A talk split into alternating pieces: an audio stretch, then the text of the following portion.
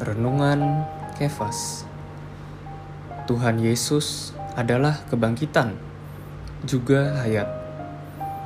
Ayat Alkitab, Yohanes pasal 11 ayat 25a. Jawab Yesus, Akulah kebangkitan dan hidup.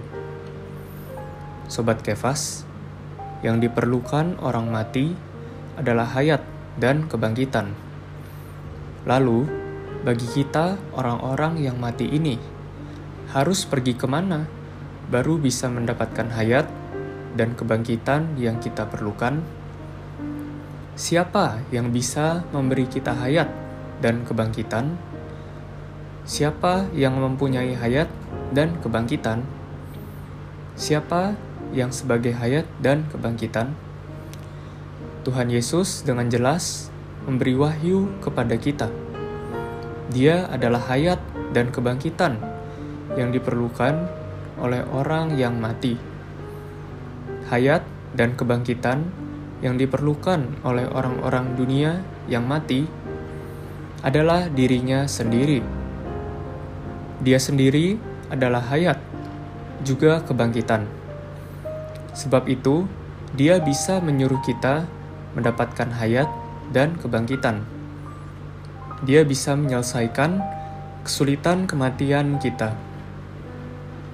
Dia tidak saja memberi kita hayat dan kebangkitan, dia bahkan akan masuk ke dalam kita, jadi hayat dan kebangkitan kita.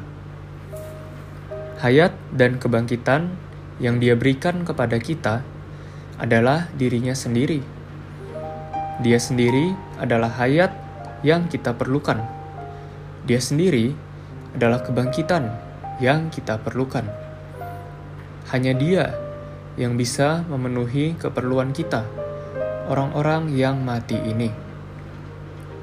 Dia akan masuk ke dalam kita, menjadi hayat kebangkitan kita. Begitu Dia masuk ke dalam kita, menjadi hayat kebangkitan kita, di dalam kita akan menyatakan kuat kuasa kebangkitannya kuat kuasa hayatnya, supaya kita keluar dari kematian dan masuk ke dalam hidup, sehingga bangkit dari kematian. Terang hari ini, siapa yang bisa memberi kita hayat dan kebangkitan? Bagaimana kita dapat keluar dari kematian dan masuk ke dalam hidup? Beban doa Berdoa mengapresiasi Tuhan kita yang adalah kebangkitan dan hayat.